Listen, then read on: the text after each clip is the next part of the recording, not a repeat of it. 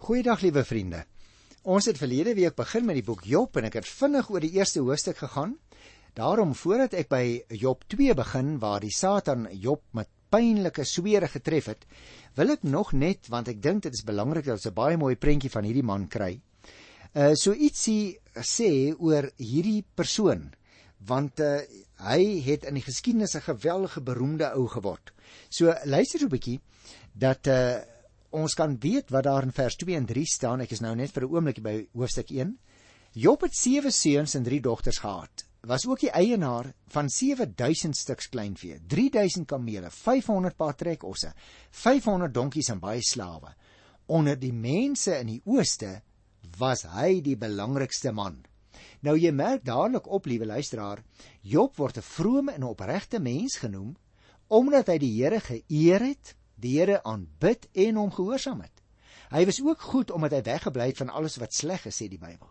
Hy het nie sonde in sy lewe toegelaat met opset nie en gesorg dat hy nie aan versoekings toegee nie. In die tweede en die derde vers wat ek gelees het, sien ons in die rek word eintlik genoem hoe geseënd hy was omdat hy die Here gedien het. Die seën blyk uit sy sewe seuns en al daai besittings gehad het uh, wat hy gehad het wat ek nou net gelees het. Wanneer hulle trou, het die pa 'n goeie kompensasie geskenk ontvang. Dit is onder baie volkere van Afrika vandag ook nog so. Maar let nou op die interessante gegevens by vers 3. As ons nou kyk na alles wat hy gehad het, nou staan daar aan die einde in die laaste sin onder die mense in die ooste was hy die belangrikste naam. Nou wil ek dadelik sê luisteraars, die term mense in die ooste is eintlik vir ons baie vaag, maar dit kan waarskynlik ook van toepassing wees op die inwoners van die streek wat as die land is bekend was. En ek het al vir julle gesê waar dit moontlik kan lê. En dan word gepraat oor sy kinders en so en van die 6ste vers af leer ons baie omtrent die Satan uit die gesprek wat plaasvind. Nou wil ek dadelik sê, liewe luisteraar, ek wil nie nou oor die Satan praat nie, maar hy moet soos al die hemelwesens, of hulle nou goed is of sleg, aan God verantwoording doen. Die tweede ding wat ek opmerk daar by die 7de vers, sy gedagtes is aan God bekend. Die derde ding, die Satan kan maar net op een plek op 'n slag wees. Vers 6 en 7. En dan leer ek ook uit uh hierdie gedeelte dat sy bose engele help hom met sy werk. Maar omdat hy geskape wese is, bly hy steeds beperk. Ons moet dus die verskil tussen die Here God wat nie geskep is nie luisteraars. Die Here bestaan van alle tye tot in alle tye. Ons verstaan dit nie met ons klein verstand nie. Ons glo dit net omdat die Bybel dit sê. Maar die Satan is 'n geskape wese daarom kan hy byvoorbeeld ook nie die toekoms voorspel nie. As hy die toekoms geken het sou hy mos geweet het dat Job nie onder sy aanslae sou knak nie. Die Satan kan byvoorbeeld ook niks doen sonder God se toestemming nie in hierdie verhaal, daar by die 12de vers. Daarom kan die kinders van die Here sy aanvalle in die krag van die Vader weerstaan. Dis my ook baie interessant dat uh, as 'n mens na die 7de versie kyk, dat die vraag wat daar gevra word, ek wil dit net vir jou lees. Toe vra die Here vir hom: "Waar kom jy vandaan?" En die Satan antwoord die Here: "Ek het die wêreld deurkruis." sien jy hoe vaag die Satan antwoord op die vraag van die Here. Hy sê vir ons dat hy op die aarde aktief is en beslis 'n werklikheid is. En hierdie besef moet vir jou vir my ook dwing om naby aan die een te bly wat groter is as die Satan, naamlik aan die Here self. Nou wanneer ons nou by die tweede hoofstuk kom, dan wil ek amper vir jou sê, draai die Satan nou die sluise oop oor hierdie kind van die Here met die naam Job. Hy kyk hoe hy hom miskien nadat hy alles van hom weggevat het, miskien tog tot oorgawe aan homself wat die Satan is, kan bring. Nou goed, kom ons uh, kyk na die eerste 3 verse. Ek is by Job die 2de hoofstuk. Toe die hemelwesens weer op 'n dag voor die Here kom staan, het die Satan ook tussen hulle voor die Here kom staan. Toe vra die Here vir hom: "Waar kom jy vandaan?" En die Satan antwoord die Here: Ek het die wêreld deurkruis. Die Here vra toe vir Satan en my dienaar Job, het jy hom nou gesien? Sy gelyke kry jy nie op die aarde nie. Hy is vroom en opreg. Hy dien my en vermy die kwaad. Hy het vroom gebly. Al het jy my daartoe gebring om hom sonder rede te ruïneer. Jy sien liewe luisteraar, dit wat in die eerste hoofstuk by vers 6 en vers 8 gesê is, kom nou weer hier na vore. Op 'n dag het die hemelwesens, ek is by die eerste hoofstuk vers 6, voor die Here kom staan en die Satan was ook onder hulle. Toe vra die Here vir hom: "Waar kom jy vandaan?" En die Satan antwoord die Here: "Ek het die wêreld deurkruis." Ons kry dus nou hierdie selfde woorde wat weer hier herhaal word. Dit bring ons dan by die 4de versie. Die 4de versie sê: "Die Satan sê toe vir die Here: Dit bewys nog niks. 'n Man sal mos alles gee wat hy het as hy net kan bly lewe.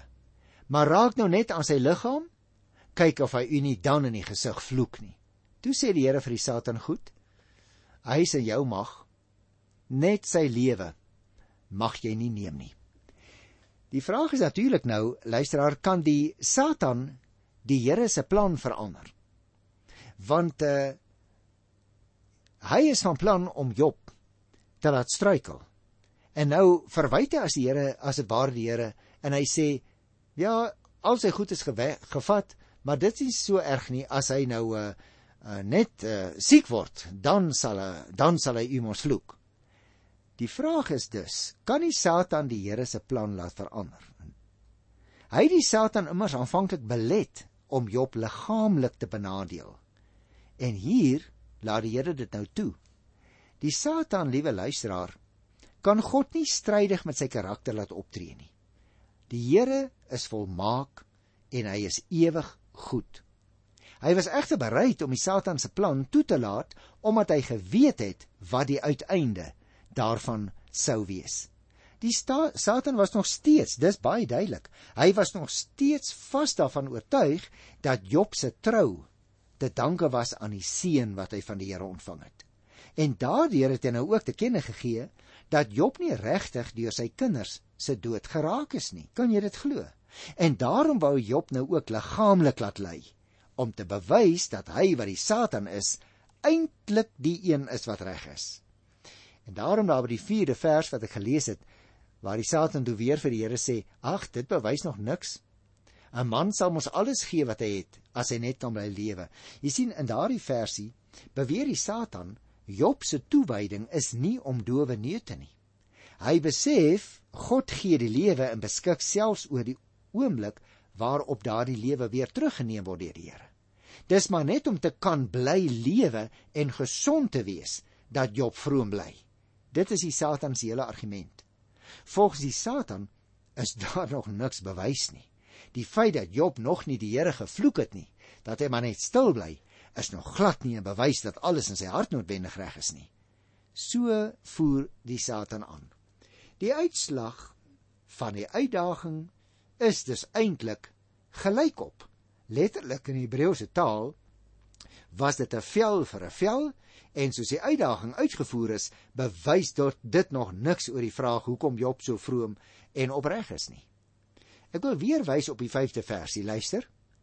Maar raak nou net aan sy liggaam, sê die Satan, en kyk of hy u nie dalk in u gesig sal vloek nie. Sodra Job se lewe dus bedreig word, deurdat hy aan sy liggaam met sweer en pyne getref word, sal hy die Here afsweer. Dit is nou die Satan se hele argument. maar toe sê die Here vir die Satan in vers 6 goed. Hy is nou in jou mag. Net sy lewe mag jy nie neem nie. Die Satan moet weer eens God se toestemming vra om Job leed te mag aandoen. Hy was egter beperk met al wat hy kon doen en hy kon Job nie vernietig nie. Net soos Job se besittings in die Satan se mag oorgegee is daar in die 12de versie by hoofstuk 1, so word die persoon Job ook nou in die Satan se mag oorgegee. Daar's net een ding wat die Here uitsluit. Net sy lewe is uitgesluit. Jy moet daarop let, luisteraar. Die Here dikteer die verloop van sake. Die Here lê die voorwaardes neer. Hy gee nie sy beskikkings en sy beslissings reg aan die Satan oor nie. En dit is 'n baie belangrike faset om hier raak te sien. Liewe luisteraar, Die Here abdikeer nooit sy mag nie. Dit is net soos wat 'n pa verantwoordelikheid vir aanvaar vir sy kind. Nou as die pa sy opdrag van die Here reg uitvoer en sy verantwoordelikheid teenoor sy kind nakom, dan beteken dit selfs as die kind by die huis kom met die berig pa het baie lelike dinge gedoen, hulle wil my uit die skool uitgooi. Selfs dan abdikeer die pa nie sy vaderskap nie. Nou sê nie vir die kind, nou ja, jy het nou sulke skande gedoen, jy's nou nie meer my kind nie. En liewe broer en suster, 'n duisend keer beter as dit doen die Here teenoor jou en my. As ons sondig en ons is ongehoorsaam en ons dwaal af, dan beteken dit die Here gaan nou vir ons sê, nou is jy nie meer my kind nie. Daarom sê die Here vir die Satan, goed, hy is in jou mag, net sy lewe mag jy nie neem nie. Die Here bly die een wat die laaste streepie in vereiste mag stel want hy is die Here. Ek lees vers 7. Die Satan het van die Here af weggegaan en vir Job met pynlike swere getref van sy kop tot sy tone. Nou luisteraar, dit gebeur natuurlik dikwels dat gelowiges net soveel ly as ongelowiges. En wel omdat die kinders van die Here ook die Satan se teikens is. Jy moenie dink omdat jy en ek aan die Here behoort, hy het ons nou in vrede uitgelos nie, hoor? Inteendeel. Elke keer wat ons iets verkeerd doen en ons kom terug na die Here toe, dan haal die Satan groot kanonne uit om te keer dat ons nie teruggaan na die Here toe nie. Want hy het in 'n sekere sin 'n nederlaag gelei teenoor jou en my as ons teruggaan na God toe. En dit is ook wat hy graag wil hê wat Job nie moet doen nie. Hy wil nie hê Job moet aan die Here se kant bly staan nie. Jy en ek moet ook elke dag voorbereid wees hoor. Voorbereid op die Satan se aanvalle. En ons moenie wanneer dit begin uh, gebeur, dan nou skielik dink dat die Here ons in die steek gelaat het nie. Nee. Nee, die Here het nie vir Job in die steek gelaat nie, maar hy het net beperkte mag aan die Satan gegee oor Job. Ons oorwin die Satan, liewe luisteraar, deur ons geloof baie hoog aan te slaan dat ons ons geloof en ons verbondenheid aan die Here nie mag versaak nie. En dit beteken nie as die Satan daarin slaag en hy skiet ons met 'n groot kanonskoot weg van die Here af dat ons nou verlore is nie. Ons mag weer en weer en weer terugkom na die Here toe. Nou is dit die eerste keer in die verhaal wat dit vir ons duidelik word dat die Satan vir Job aanraak met swaar kry en hom tref met, so staan dit daar, pynlike swere oor sy hele liggaam. Maar luisteraar, het jy geweet, dis ook die laaste keer dat die Satan gaan optree in die hele boek. Vir Job en sy vriende geld wat in vers 3 en ook reeds in vers 12 van die eerste hoofstuk beklemtoon is. Naamlik wat met Job gebeur is God se werk. En in die hele opset van die boek Job is die Satan 'n hemelwese met die beperkte mag wat voor die Here moet kom staan. Die Satan moet as dit ware kom toestemming vra uh om Job skade aan te doen dus in sy diens is en aan die Here verantwoording verskuldig is en deur hom aangespreek word om rekenskap te gee soos ook in vers 3. Kom ons kyk nou na die 8ste versie. Job het op 'n ashoop gaan sit en hy het 'n potskerf vervat en hom daarmee gekrap. Het jy opgelet? Nadat die Satan sy mag oor Job gebruik het om hom met swere te tref, onttrek Job hom aan die as na die ashoop toe as 'n teken van rou en ook van berou. Dit het nie dik in die ou wêreld dikwels gebeur. As iemand jammer was en berou gehad het oor sy sonde, het hy as op sy kop gegooi. Job stap nou na die ashoop toe. Hy onttrek hom soontoe hy gaan sit daar en hy gooi selfs as op sy kop. En op die ashoop wat sommer so gewoon waarskynlik 'n vuil gedoop is, lê baie stukke van ou gebreekte kleipotte. Daarom begin hy nou om homself met 'n potskerf te krap, omdat hy so verskriklik jeuk as gevolg van al die sere wat op sy lyf uitgeslaan het. En dit bring ons by vers 9, luister. Sy vrou het vir hom gesê: bly jy nog steeds vroom? Vervloek God en sterf. Kan jy glo dat selfs die een wat die naaste aan hom veronderstel is om te wees, sy vrou, sy sê vir hom: "Man, jy jy's heeltemal te vroom. Vervloek God man en sterf in vrede." En liewe luisteraar, die beeld van haar man wat eens 'n leier van sy samelewing en 'n vertroueling van God was, bring Job se vrou in opstand. Met ander woorde sy dink aan hoe belangrik hy was, hoe ryk hulle was. En nou kom sy in opstand en sy ondersteun die standpunt van die Satan, die aanklaer. Sy sê: "Man, vervloek God. Hoekom is jy so vroom?" En dan sterf jy in vrede. Maar Job is vroom. En dit help hom niks wat haar betref nie. Hy moet vir God afsweer, hy moet hom vervloek. Het sy in die 5de vers ook gesê en ons sal dit in die 11de vers ook kry. En die prys betaal. Deur die swere is hy tog al halfpad op pad graf toe. Jy sien hierdie vrou kyk na alles wat hulle gehad het is weg. Sy kyk hoe vroom Job bly. Nou kyk sy na die swere aan sy lyf. Sy sê vir haarself: "Maar hy staan nou klaar met sy een voet in die graf." Die kinders sal nou byvoeg, hy staan klaar met sy een voet in die graf en die ander voet op 'n piesangskaal. Met ander woorde, hy gaan enige oomblik nou sterf. Kyk net hoe treurig is hy. Hoekom sê jy so swaar kry? Vervloek God. En dan sterf jy in vrede. Vers 10. Toe sê hy vir haar: Jy praat nou soos 'n vroumens sonder verstand. As ons die goeie van God aanvaar, moet ons nie ook die slegte aanvaar nie? Baie mense luisteraars, baie mense dink dat hulle geloof in God hulle van probleme sal beskerm. En daarom is hulle baie vinnig om God se goedheid en regverdigheid te bevraagteken wanneer probleme en moeilikhede begin toeslaan.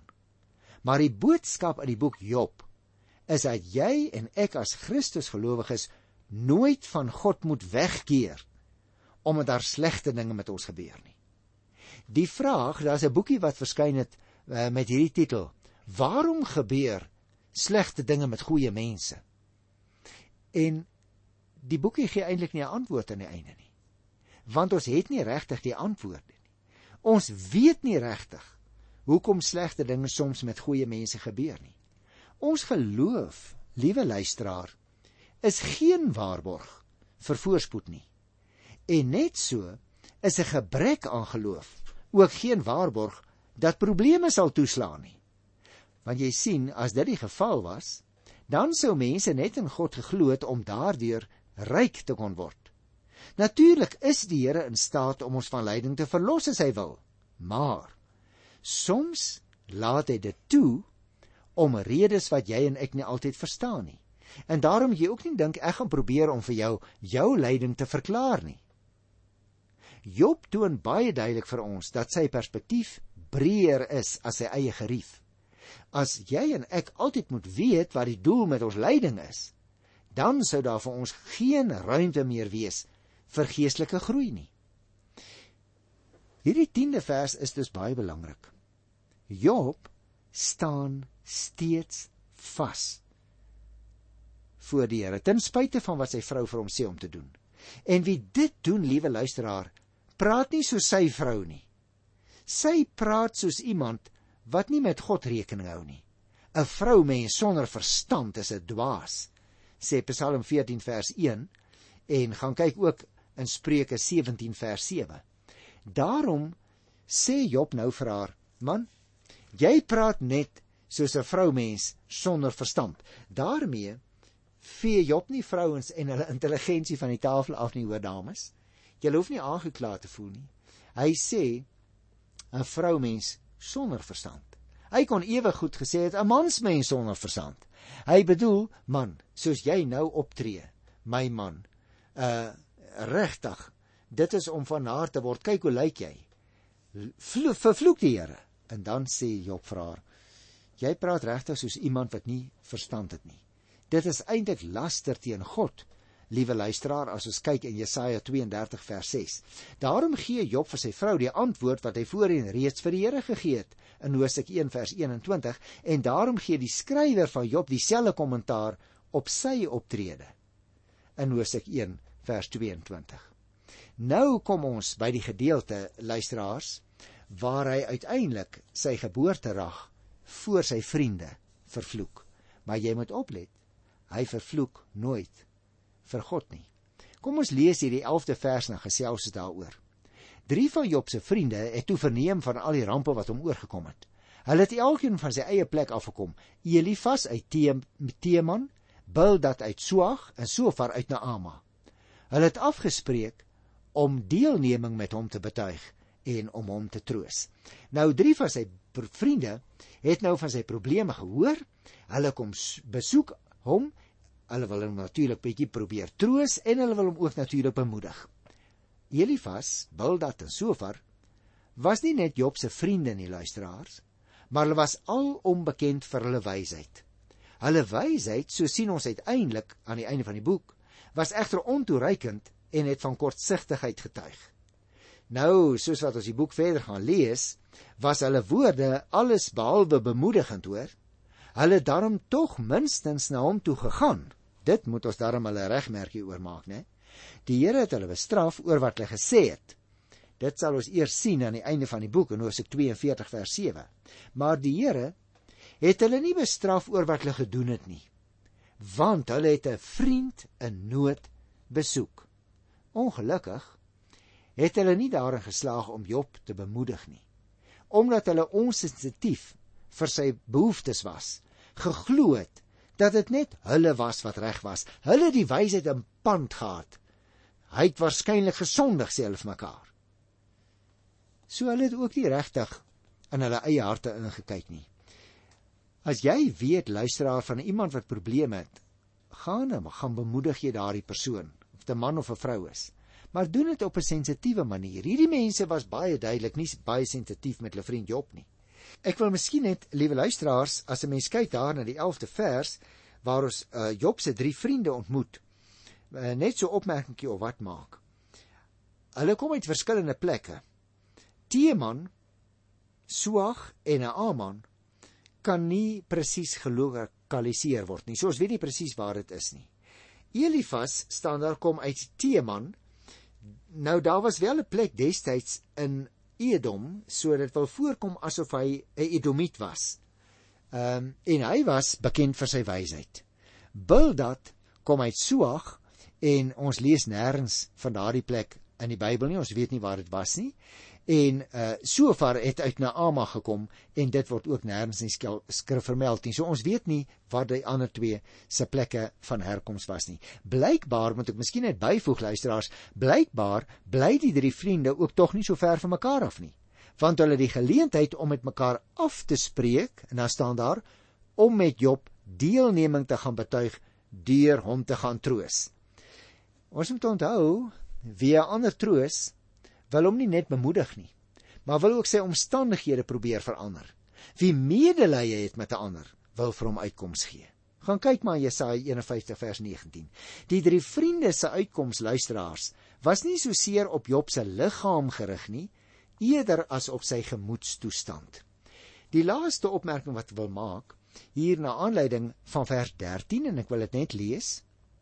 7 dae en 7 nagte lank het hulle op die grond by hom gesit sonder om 'n woord met hom te praat, want hulle het gesien dat sy smarte baie groot was. Hulle kan Job se asoop van ver af sien, wil dit blyk uit die vers. Dit is met ander woorde in 'n oop ruimte, maar hulle herken nie die man op op die hoop nie. Deur sy swaar kry het Job se voorkoms so baie verander. Maar toe hulle hom eien, begin hulle met hulle gebruikelike rou seremonies. Vir 7 dae sit hulle doodstil by hom. In stil tye voel hulle natuurlik saam met hom oor sy groot smart, wat meer inhou as die liggaamlike pyn van die swere. Hulle praat nie die eerste nie. Die vraag is hoekom het hulle so lank daar bly sit? Bloot luisteraars, omdat dit maar 'n ou Joodse gebruik was om mense wat gaan om iemand anders te troos, eers doodstil te laat bly sit by die een sodat die een wat getroos moet word eers te praat. So dit is nie 'n vreemde ding wat ons hier in die Bybel lees nie. En op daardie punt van die voorneme wat hulle gehad het om om te gaan troos, wil ek ophou vandag en vir jouself ook vra, is daar nie dalk iemand vir wie jy moet gaan troos nie? Ek groet jou tot volgende keer in die naam van ons Here. Tot dan. Totsiens.